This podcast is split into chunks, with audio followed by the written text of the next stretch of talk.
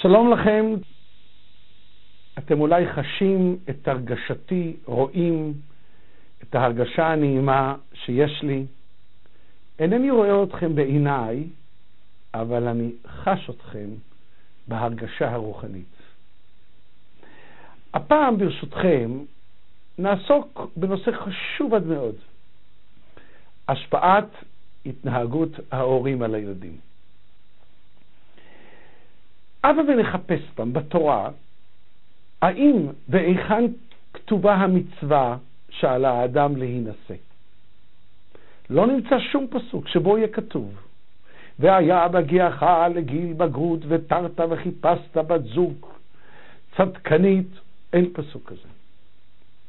כשהתורה מבקשת לצוות אותנו על הנישואים, היא עושה את זה דרך משהו.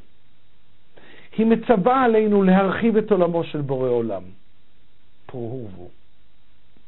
אתם כאנשים יודעי ספר, הבה ונחשוב רגע. אם התורה מצווה על נישואין דרך מצוות הילדים, ואומר שכל מצוות הנישואין זה עבור הילדים. שכינה בבית, בשביל הילדים. שלום בית, בשביל הילדים. חסד, בשביל הילדים. ואכן זה כך. ככל שיהיה יותר שלום, ככל שתהיה יותר אהבה קדושה וחביבות, אכן ילדינו יהיו קדושים וטהורים. ביטוי לכך מצאנו בספר החינוך. ספר החינוך. ספר החינוך כותב את טעמי המצוות. וברשותכם, ציטוט, טיפה ארוך, אבל זה כדאי. במצוות תקפ"ב, על המצווה שישמח, שישמח החתן עם אשתו שנה אחת. כותב ספר החינוך מה הטעם למצווה הזאת משורשי המצווה. כי הקל ברוך הוא עלה במחשבה לפניו לברות העולם. הוא רצה לברות את העולם, וחפצו שיתיישב בבריות הנולדות מזכר ונקבה. בורא עולם יכל לברות את כל אחד מאיתנו כפי שברא את אדם הראשון, מן האדמה. אבל הוא העדיף שהילדים ייוולדו מקשר שבין אב ואם. שיהיה להם קשר, אני רק משנה טיפה את הלשון, שיהיה להם קשר בהכשר, כי אחרת תועבה היא לפניו. על כן גזר עלינו, העם אשר בחר להיות נקרא על שמו, שנשב עם האישה המיוחדת לנו להקים זרע שנה שלמה מעת שנישא אותה. צמודים, לא יוצא למלחמה, לא נעדר מהבית יותר מאשר ליום אחד. למה? כדי להרגיל הטבע עמה, ולהדביק הרצון אצלה, ולהכניס כל ציורה וכל פועלה בלב, כדי להכניס לליבנו את כל הפעולות שהיא עושה כדבר טבעי, כמו שאנחנו רגילים מהאימא שלנו, עד שיבוא אצל הטבע, ומיד אסביר, עד שיבוא אצל הטבע כל מעשה אישה אחרת וכל ענייניה דרך זרות. הקשר צריך להיות כזה, שכאשר רעייתך הולכת ברחוב, וברחוב יש עוד גברים, עבורה הם דמויות, גבר יש רק אחד, בעלי. הקשר בינך לבין בעלך צריך להיות כזה. קשר החביבות, עד שכאשר בעלך הולך ברחובה של עיר, ויש שם נשים, זה לא מדבר אליו, הן דמויות, הן צלם אלוקים, אישה יש רק אחת, אשתי. זוהי התוצאה כשיש קשר הדוק בין בני זוג. עד שיבוא אצל הטבע כל מעשה אישה אחרת, וכל ענייניה דרך זרות. זה משהו שלא קשור אליי בכלל, זה זר. והספר החינוך מסביר, כי כל טבע ברוב יבקש. אדם נמשך על פי רוב למי שהוא יתרגל אליו, ויואב מה שרגיל בו. ומתוך כך, כשאדם יהיה צמוד לרעייתו, כשאישה תהיה צמודה לבעלה, וכל אחד יתעניין רק בבן הזוג שלו, ירחיק אדם דרכו מאישה זרה, וכאן בא המשפט החשוב, ויפנה אל האישה הראויה לו מחשבתו. למה? למה כל מה שקראנו? מה הסיבה? מה המגמה? ויוכשרו הילדים שילדו, ויהיה העולם מעלה חן לפני בוראו. ככל שבני זוג יותר קשורים זה לזה, הילדים יותר מוצלחים, הילדים יותר טהורים, הילדים יותר כשרים. בספרי הקבלה כתוב שחלק ממה שמשה רבינו נולד כמשה רבינו, זה בגלל הקשר ההדוק, החביב, הטהור, הקדוש, שהיה בין ההורים של משה רבינו. עד כמה הדבר הזה חשוב. עכשיו, אם כן, אפשר לומר שאנחנו, נקרא לזה ככה, המכון שבתוכו בורא עולם מפקיד את בניו בידינו. כלומר, הילדים שלנו הם בעצם בני בורא עולם. אלא שהוא רצה שיהיה לנו יותר קל לטפל בהם, אז הוא העביר אותם דרכנו. אבל הם בעצם בניו. והוא הפקיד אותם בידינו שאנחנו נדריך אותם, נטפח אותם, נגדל אותם, ואז הוא ישאל ויבחן האם מילינו את התפקיד. אם כן, אנחנו בתפקיד. ואנחנו צריכים לשאול את עצמנו האם אנחנו ממלאים את התפקיד הזה. שכאמור, הרי כל הנישואין זה עבור הילדים. כמה זה נהדר כאשר כל אחד בגיל מסוים, אם קצת יחדור למחשבותיו, הוא יגלה שאנחנו אומרים לעצמנו, אני כבר לא חי בשבילי, אני חי בשביל הילדים שלי. כלומר, התאמה מלאה בין ציווי התורה, אתה מתחתן בשביל הילדים שלך, להרגשה הטבעית שיש לאדם שהוא חי בשביל ילדיו. מה ננסה לעשות בשיעור הזה? אולי אספר סיפור, או יותר נכון, אומר אמרה בשם הרב מוישה פיינשטיין, וזה ייתן לנו את הקו החשיבה שעליו נשוחח יחד בשיעור הזה. הרב פיינשטיין היה גדול פוסקי הדור בדור שלפנינו, חלקכם ודאי שמעו את שמו. הוא חי בארצות הברית. הברית של אמריקה לפני כ-70 או 100 שנה הייתה ארץ הגירה, שאליה זרמו אנשים מכל העולם, מחלב, מסוריה, מלבנון, מאירופה, מהונגריה, מפולניה, מרוסיה, זרמו, ארץ הגירה. ברחו מהעניות אל ארץ האפשרויות הבלתי מוגבלות. נו, אתם הרי מבינים שבארץ הגירה אין מספיק עבודה. הבעיה היותר חמורה הייתה שבארצות הברית אז עוד עבדו שבעה ימים בשבוע. ומי שלא היה מוכן לעבוד שבעה ימים, לא הייתה לו עבודה. ורבים רבים מאוד סבלו חרפת רעב, פשוטו כמשמעו. עוזרים לאדם, אבל רק למי שעובד. אין עבודה. שומרי המצוות, שומרי השבת, כמובן שכשהלכו לחפש עבודה, לא גילו למפעילים שלהם שהם שומרים שבת, שהרי אחרת לא היו לוקחים אותם לעבודה. הגיעו ביום ראשון לעבודה, אם כבר קיבלו אותם, מגיע יום שישי, הבוס מחלק את המשכורת השבועית, ואז המקבל, העובד, מקבל הכסף, אומר לבוס, כבוד בוס, אני מחר לא בא, אני שומר שבת. והוא היה מגיב, לא רק מחר אתה לא בא, אתה לעולם כף רגלך לא תדרוך כאן במפעל. מי שלא מוכן להשקיע את חייו בעבודה, אין לו מקום במפעלנו. חוזר לו אדם הביתה, אמנם עם משכורת שבועית, אבל יודע שהוא נכנס לשבת, כאשר אחרי השבת אין לו עבודה. המצוקה חוזרת על עצמה.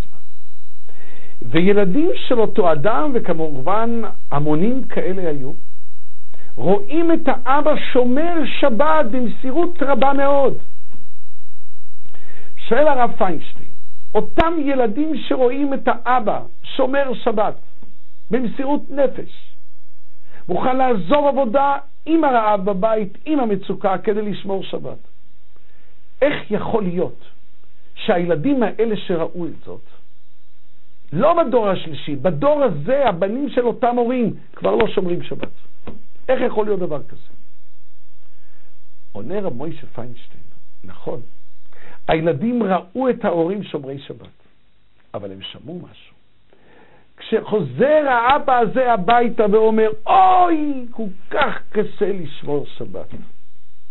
כל כך קשה להיות יהודי.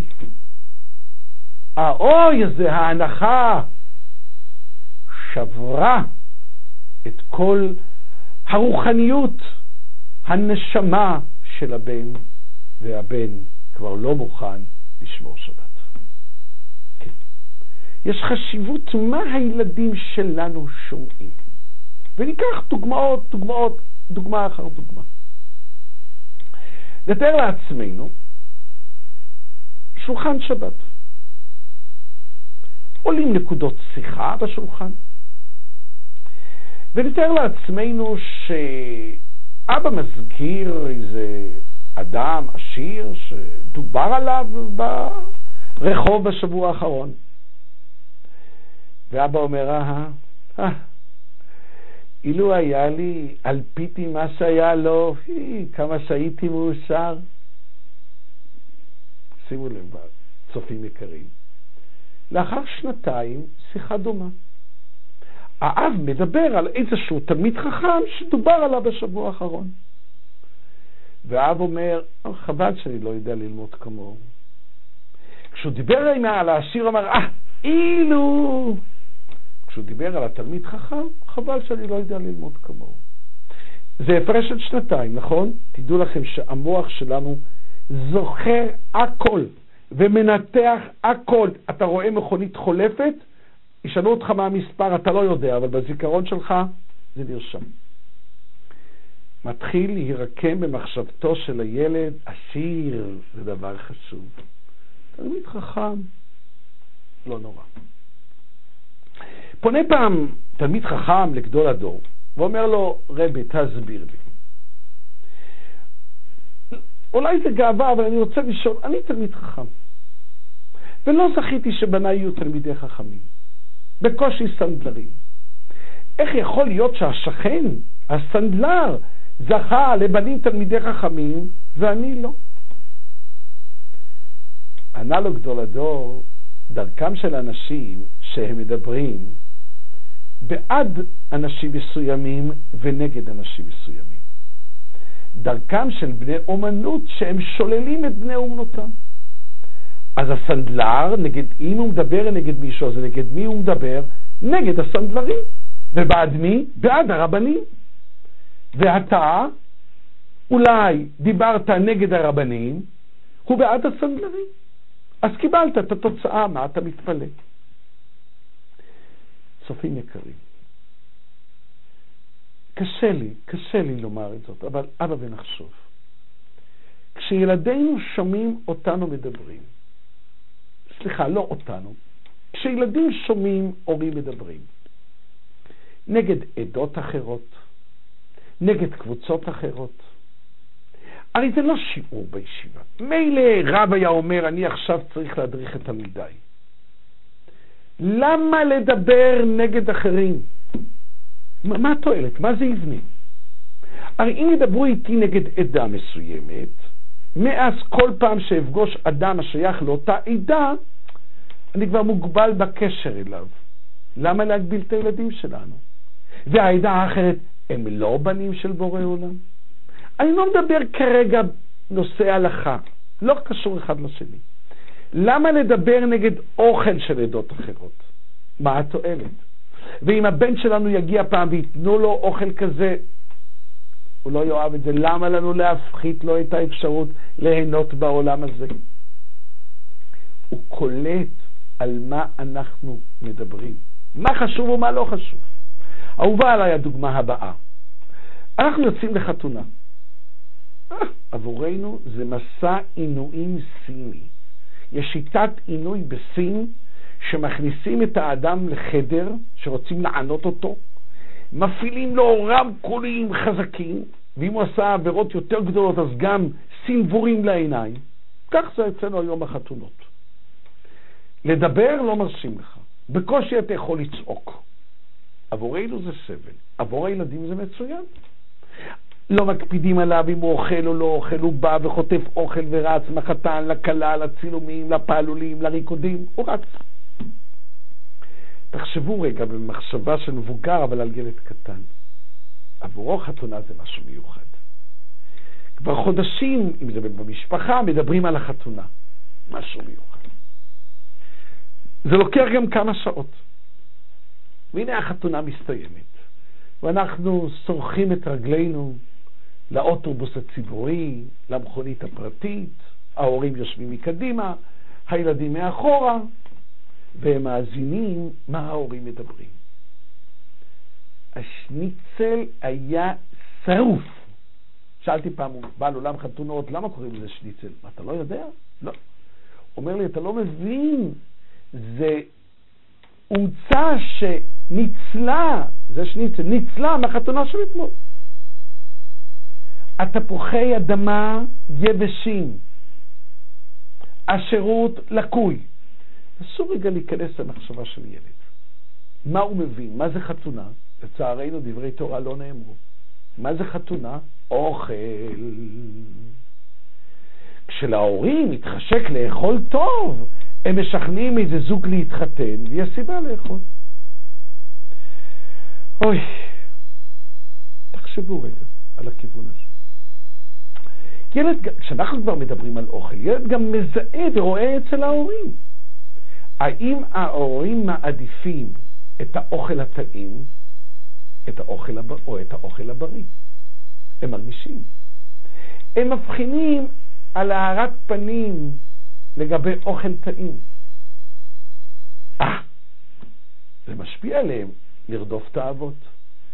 כמה מחסומים אנחנו יוצרים להם אם מישהו יראה את הוריו נוהגים כן. נגיד, מדברים דברי תורה. מגיע אוכל, די, עכשיו האוכל יתקרר, אוכלים. חכה רגע, חכה, הניחו לידך את האוכל, חכה, חכה. מדברים דברי תורה. או למשל, האם כשמישהו אמר דבר תורה, אתה אומר נפלא, צריך לחשוב האם זה נפלא ברמה יותר חזקה או פחות חזקה מאשר על האוכל הטעים. הדברים האלה הם המחנכים הגדולים ביותר לילדים שלנו. מה הם שומעים, מה הם רואים. וככל שאנחנו נשים לב לזה יותר, זה ישפיע עליהם יותר. ישבתי בט"ו בשבט, והקדוש ברוך הוא זיכה אותי ואותכם בפירות שבח ארץ ישראל.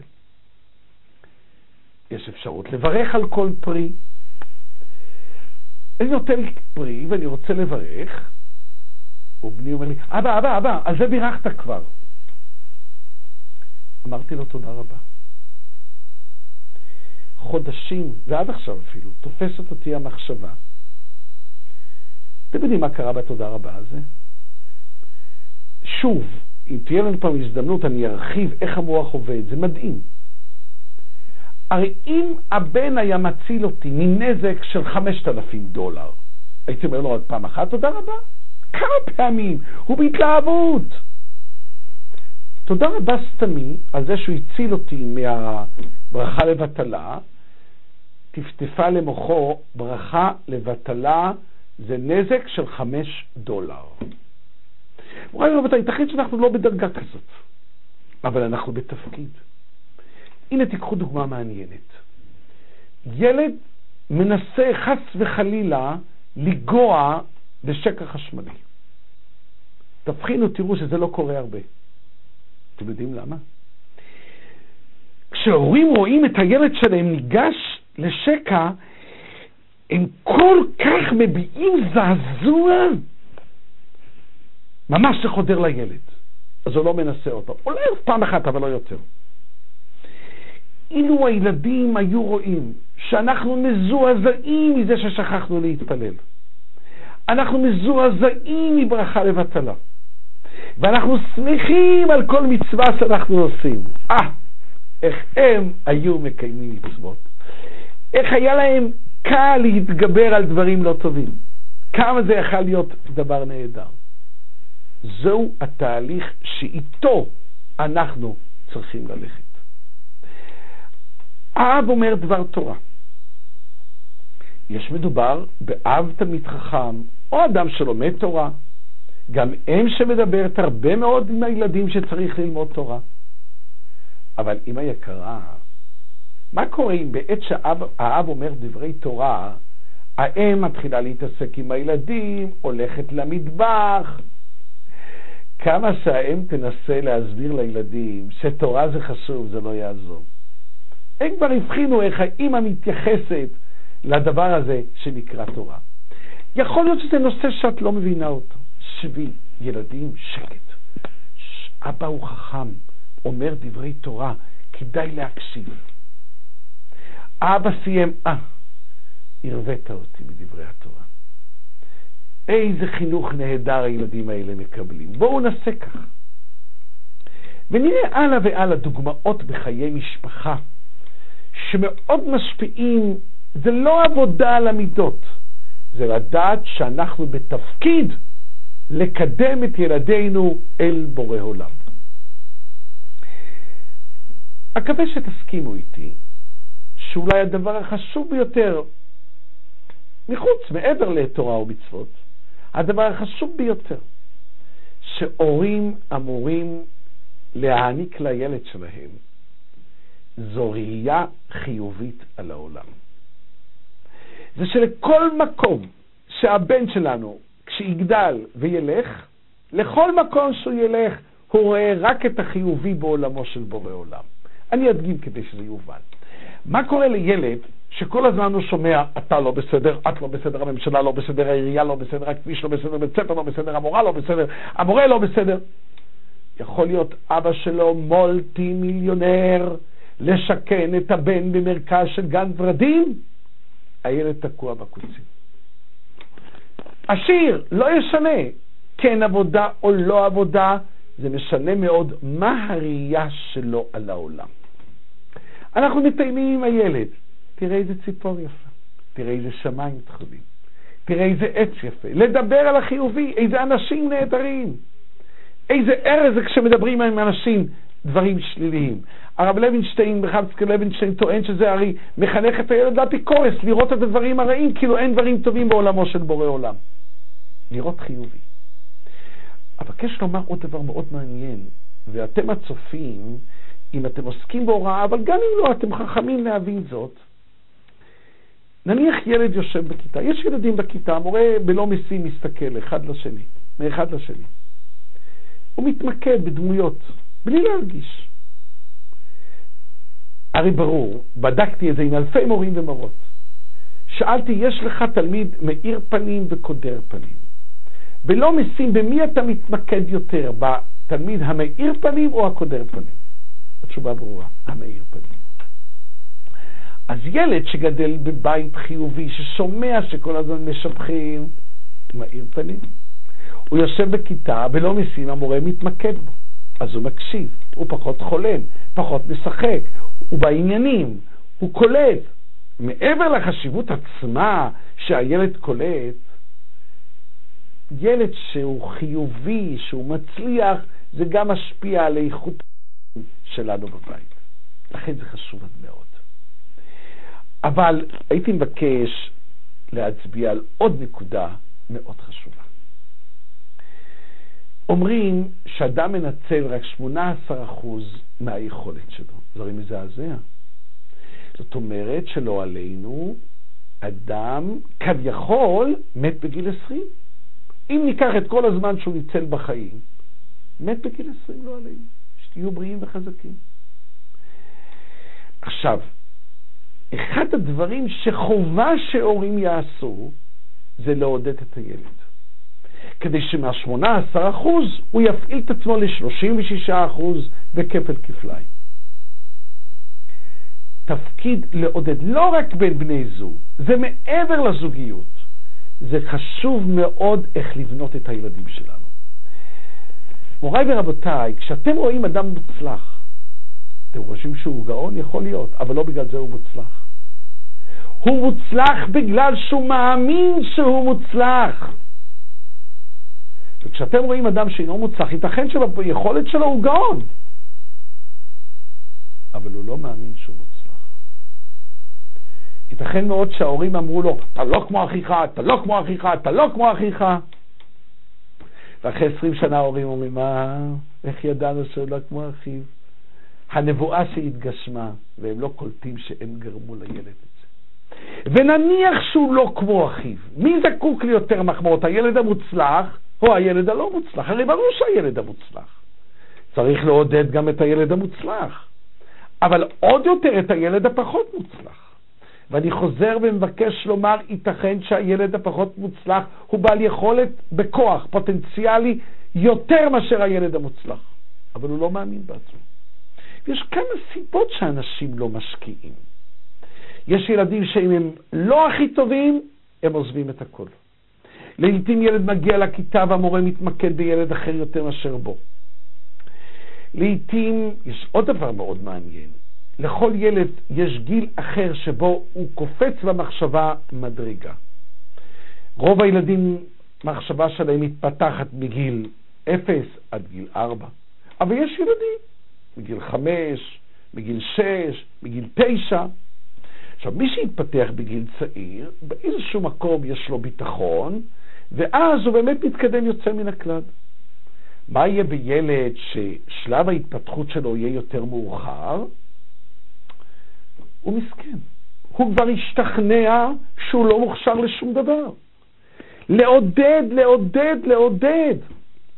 לעתים אני שואל, אמא, את מעודדת את הבן שלך? כן, זה לא עוזר. כמה זמן עודדת אותו? שבועיים. כמה זמן לוקח לגדל עגבנייה? שלושה חודשים.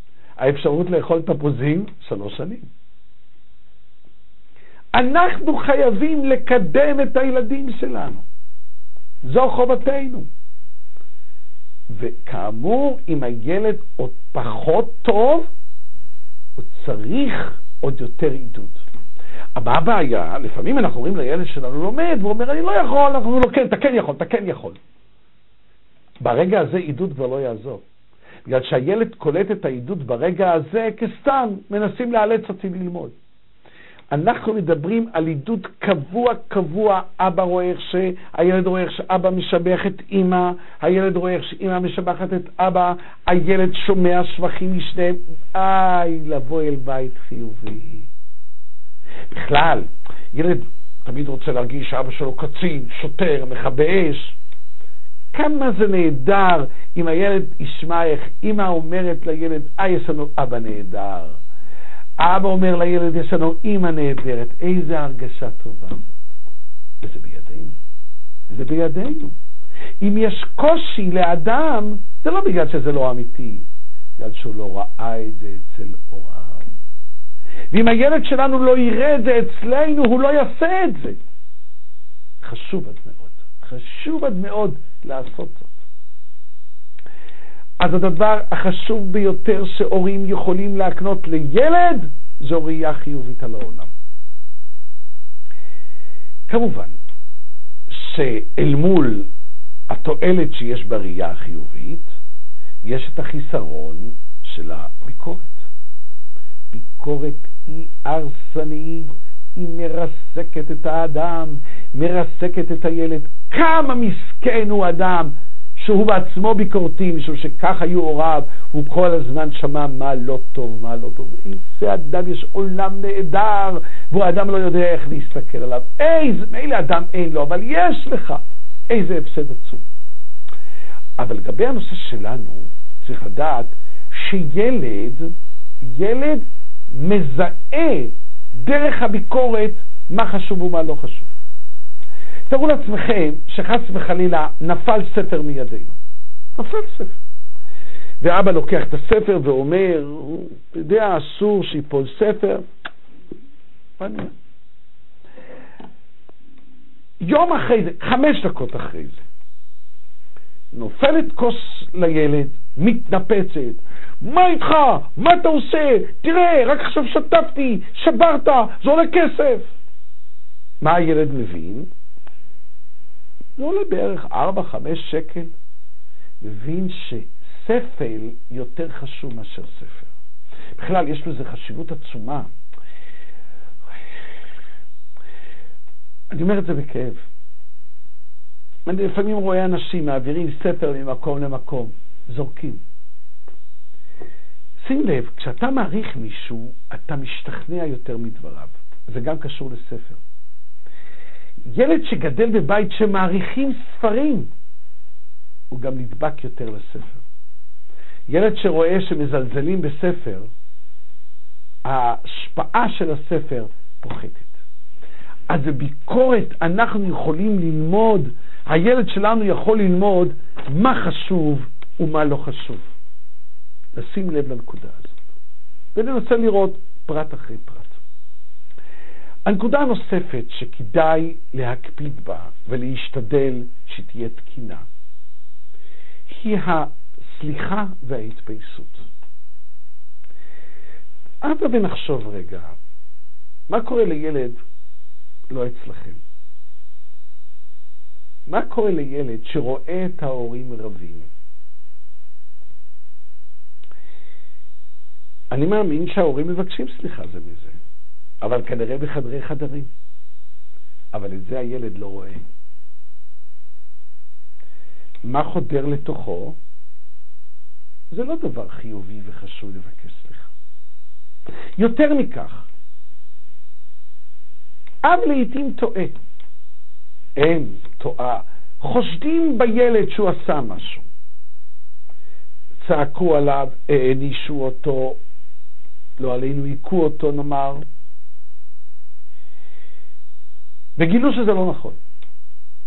אתם יודעים איזה הרס זה אם ההורים לא מבקשים סליחה מהילד? אתם יודעים מה יקרה לילד הזה כשהוא יתחתן? אשתו תאמר, שיגיד פעם טעיתי, שיבקש פעם סליחה. או זה עם הילדה, זה אותו דבר. לא ביקשו סליחה מהילדה, היא לא תבקש סליחה. אף פעם. אף פעם לא תבקש סליחה. לא רק זאת. יש אנשים שאף פעם לא חושבים שהם עשו מעשה רע. אמר פעם ילד, אני לא מבין את אימא שלי. לא מבין את אימא שלי. פעם אחת הנחתי כוס בפינת השולחן,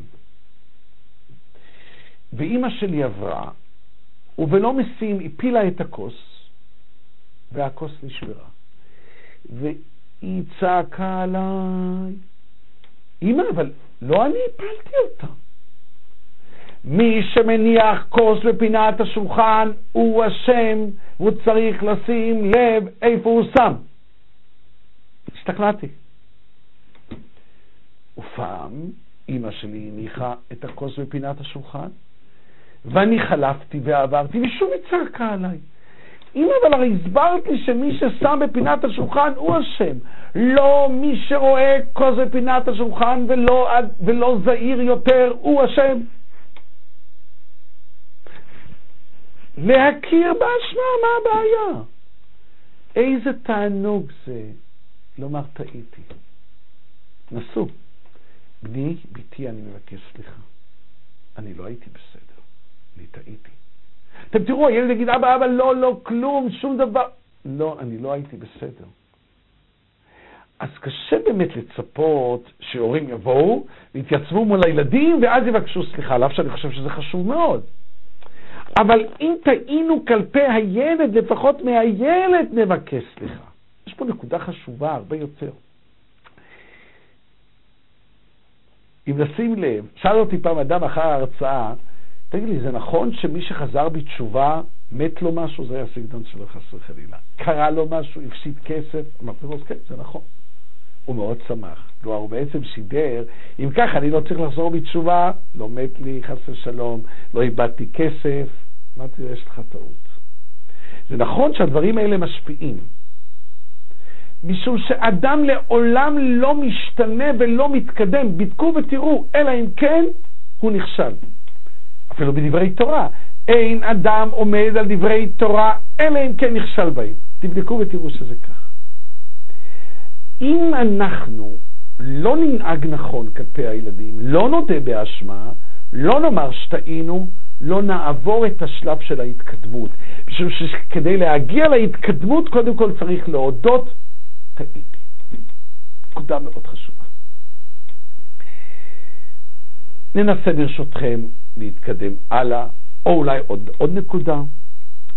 נניח שהילד התנהג לא נכון, ומבקש סליחה.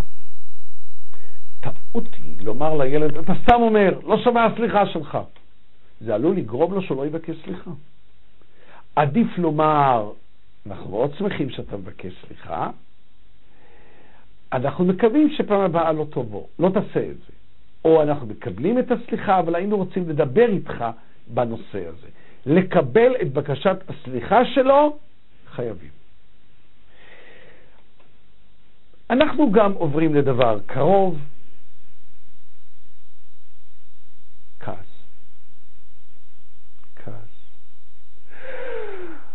אוי, כמה זה קשה לחיות בבית שההורים הם כעסנים. זה הרי גם אי אפשר לדעת מתי זה יקרה. איזה חורבן. בספרי הקבלה כתוב, אוי, שבן שגדל להורים כעסנים, הבן מאבד את כושר המעצורים שלו מפני תאוות של אוכל ותאוות נוספות. זה כתוב, אבל אני מבין מדוע זה כך. משום ש... מה קורה בכעס? שוברים מסגרות.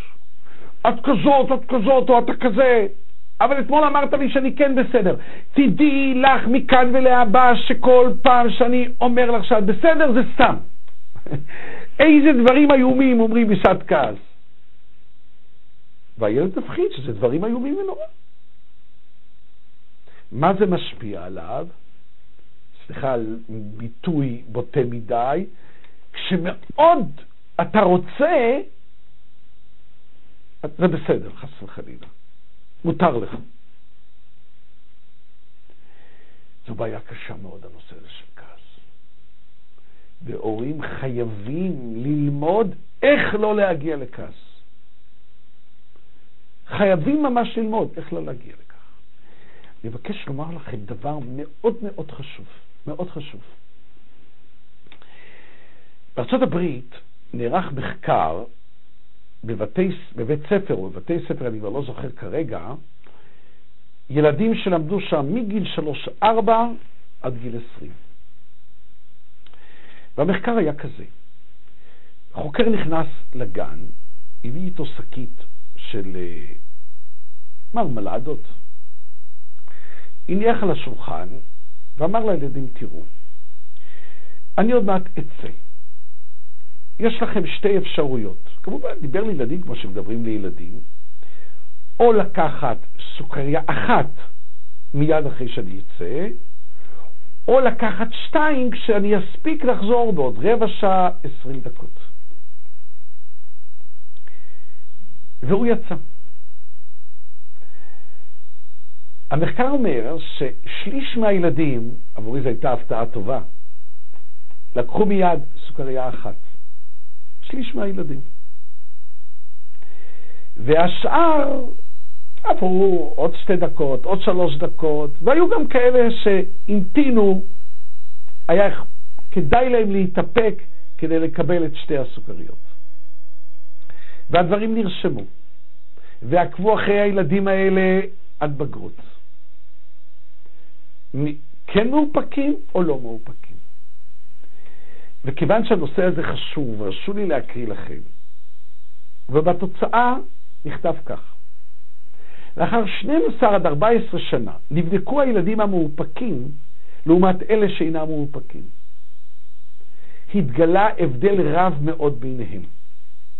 המאופקים התגלו ביחסי חברה, בעלי מודעות עצמית, הם פחות נשברו בעת מועקה, הם אימצו אתגרים, היה להם ביטחון עצמי, היה אפשר לסמוך עליהם, והם גם היו בעלי יוזמה. בקרב הקבוצה הלא מאופקת, התגלתה נטייה גדולה יותר לביישנות. לא ביישנות טהורה, כמו תלמידיו של אברהם, אלא ביישנות של חוסר ביטחון עצמי, להתחמקות ממגעים חברתיים, לעקשנות ולאי החלטיות. כאן משפט חשוב, אסביר עוד מעט, לחשוב על עצמם כרעים או כחסרי ערך, או להיתפס לקנאה, להגיב ביתר חריפות על פגיעות. ואני מסיים, גם לאחר שנים רבות התגלו כמתקשים לדחות את סיפוק היצר. וההשפעה הגדולה זה של ההורים. ילד מבחין האם ההורים מאופקים באוכל, בשתייה, בפעולה, עוד מעט אתן דוגמאות מעניינות. הילד מבחין. עכשיו, מה קורה? אדם שלא מאופק מפתח שנאה לעצמו. הוא רוצה להיות מאופק ולא מצליח. רוצה להגן על התאוות שלו ולא מצליח. לכן הוא מאבד את הביטחון העצמי. ומי שמאבד את הביטחון העצמי הוא נעלב. הרי מה, מעליבים אדם בעל ביטחון עצמי רב הוא לא נעלב. הוא מפחד, הוא לא מגלה יוזמה. תראו כמה הדבר הזה חשוב, שהילדים יראו אותנו ההורים מאופקים. לדוגמה, יש אמרה, אני לא יודע יידיש, אולי אתם יודעים, אבל שמעתי את התרגום. אמא הולכת לישון ואומרת לילדים, אני הולכת לעשות לכם אמא בריאה וחזקה. נחמד. מה הרבה פעמים קורה אחרת? די, אין לי כוח, די, אין לי כוח, אני לא יכולה יותר. די, קח, את הילדים שלך, קח את הילדים שלך, קח את הילדים שלך. את יודעת, אתה יודע מה קורה לילדים. הדי הזה, לא יכול יותר, לא יכולה יותר. מותר, מותר, מותר שאי אפשר, מותר ללכת לנוח. אבל למה זעקות השבר והחולשה? אבא, תאר לעצמך שאתה עוסק במשהו קשה, הילד לידך. תיזום לומר, אוי, זה קשה, אבל כדאי להמשיך. זה קשה, חשוב להמשיך. ליזום לדבר, לא להישבר. מותר להפסיק, אבל אני מבדיל בלהישבר. שוב, מתי אנחנו אומרים לילד אתה כן יכול? כשהוא נעצר על פני הקושי. איזו תרומה אדירה אם אנחנו נשדר, כן זה קשה, אבל צריך להמשיך, כאילו לעצמנו, אבל הילד הרי שומע כמה הדבר הזה חשוב. נתקדם הלאה. דו-שיח. איך משוחחים? בעיה קשה מאוד. אנשים לא מאפשרים לזולת לדבר כפי רצונו. נתקעים לו באמצע, מתקנים לו מזכר לנקבה, מנקבה לזכר, עוף, למה עשית, למה עשית.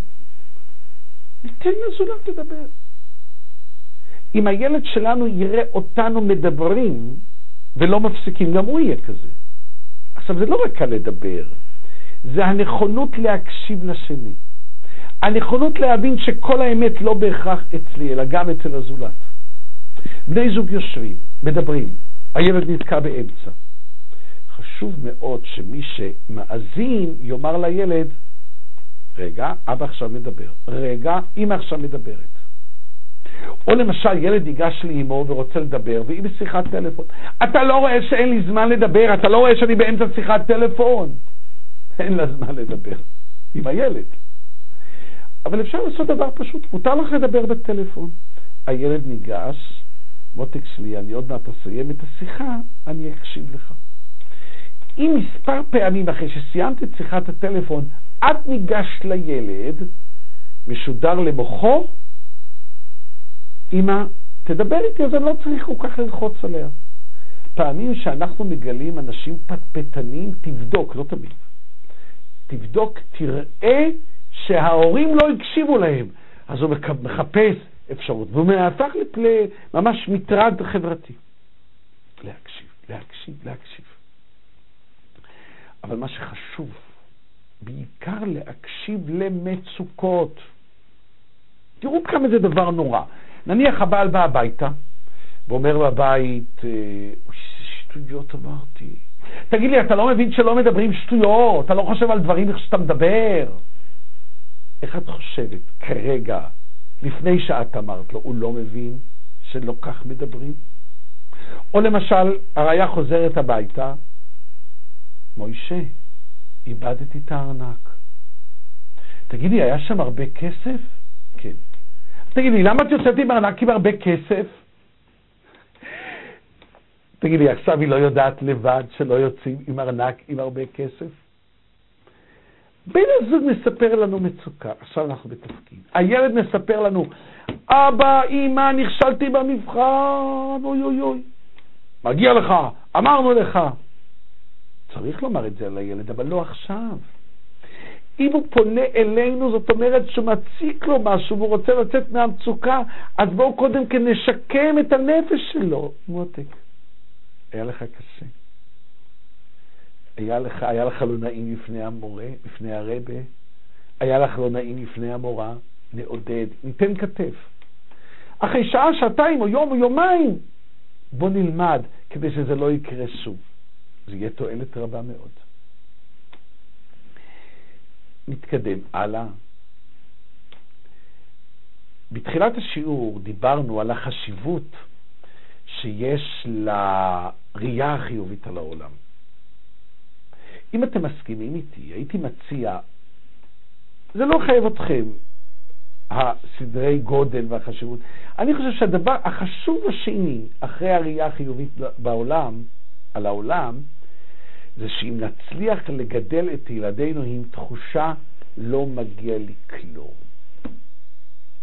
ילד, אדם שמרגיש שלא מגיע לו כלום, מרגיש שיש לו הכל. איך נחנך את ילדינו שלא מגיע להם כלום? יש שתי שיטות. שיטה אחת, אבא והאימא עושים הסכם שהם עובדים על הנושא הזה יחד, אבא בבוקר ובערב, האימא בבוקר ובערב, מושיבים את הילד על כיסא ואומרים לו, תגיד איתנו יחד, לא מגיע לי כלום, לא מגיע לי כלום, לא מגיע לי כלום.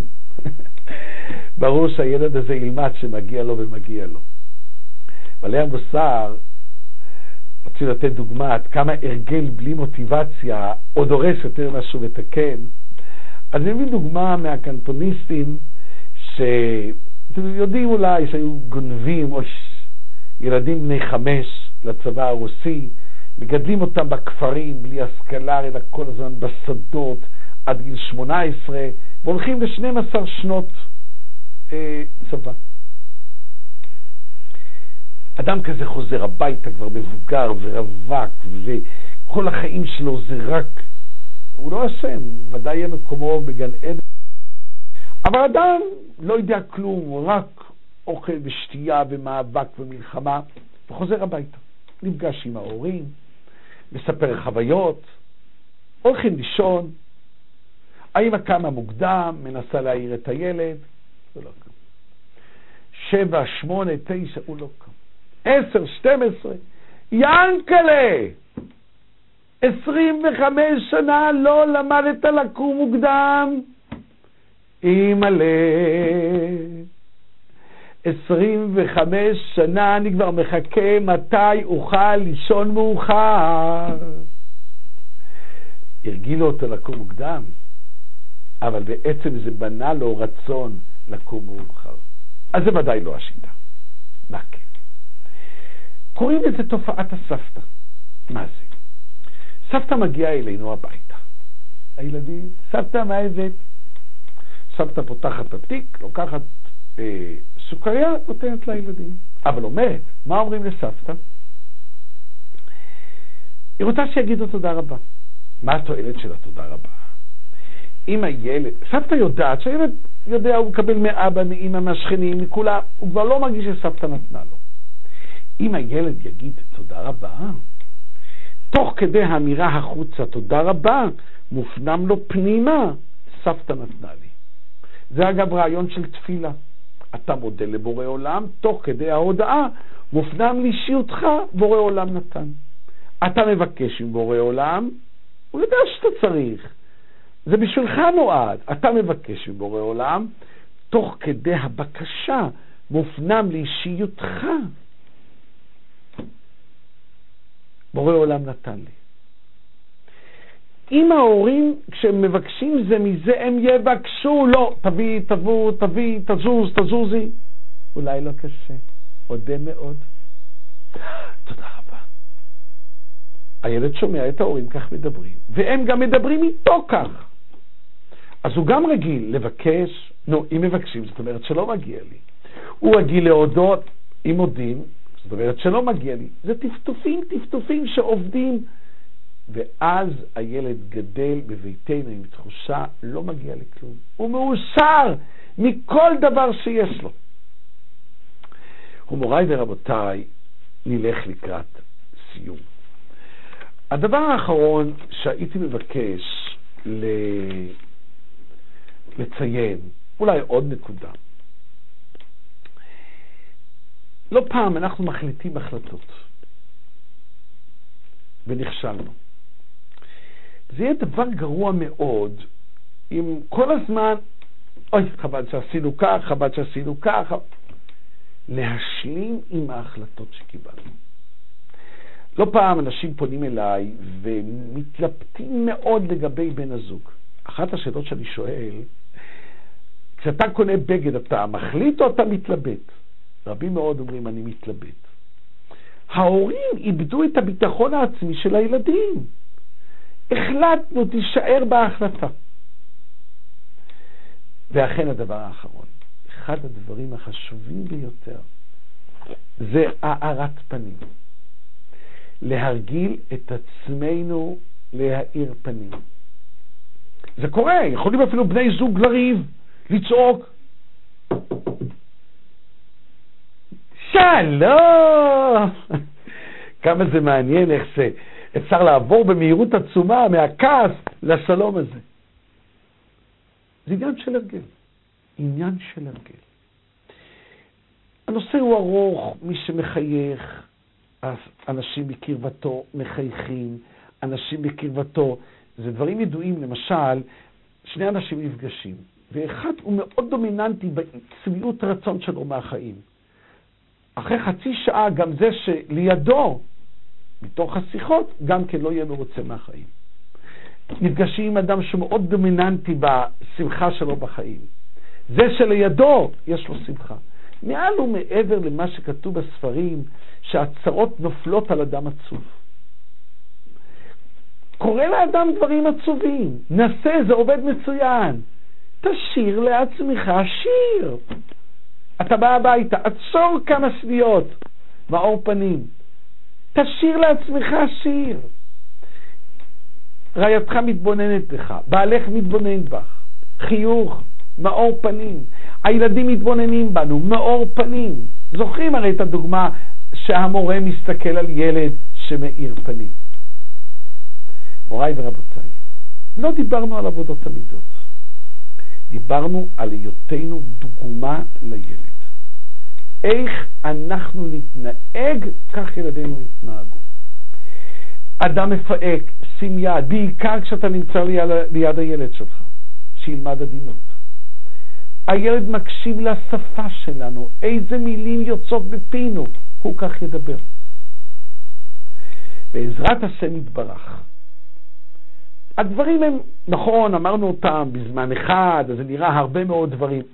זה הרבה דברים, אבל קו חשיבה אחד. ולא צריך להשקיע בהם את כל החיים. כל מה שהתרגלנו עובד אחרי זה מעצמו אפילו בלי מחשבה. בואו נעשה כך. בואו נשתף פעולה יחד, ההורים, ואתם תראו את ההשפעה האדירה על הילדים שלנו. לא רק זאת, גם הם יקימו משפחות לתפארת. השכינה מעצמה תהיה בביתם. בואו נעשה כך, והקדוש ברוך הוא ייתן לכם. עלייה בתורה וביראת שמיים, בריאות ואריכות ימים, פרנסה בלא דאגה, ברווח, בכבוד. נשמח יחד כולנו, המשפחה, עם ישראל כולו, וכך בורא עולם גם יהיה שבע רצון מאיתנו. שלום לכם, ונקווה שנוכל להתראות שוב בחסדי השם בשיעור הבא. שלום שלום.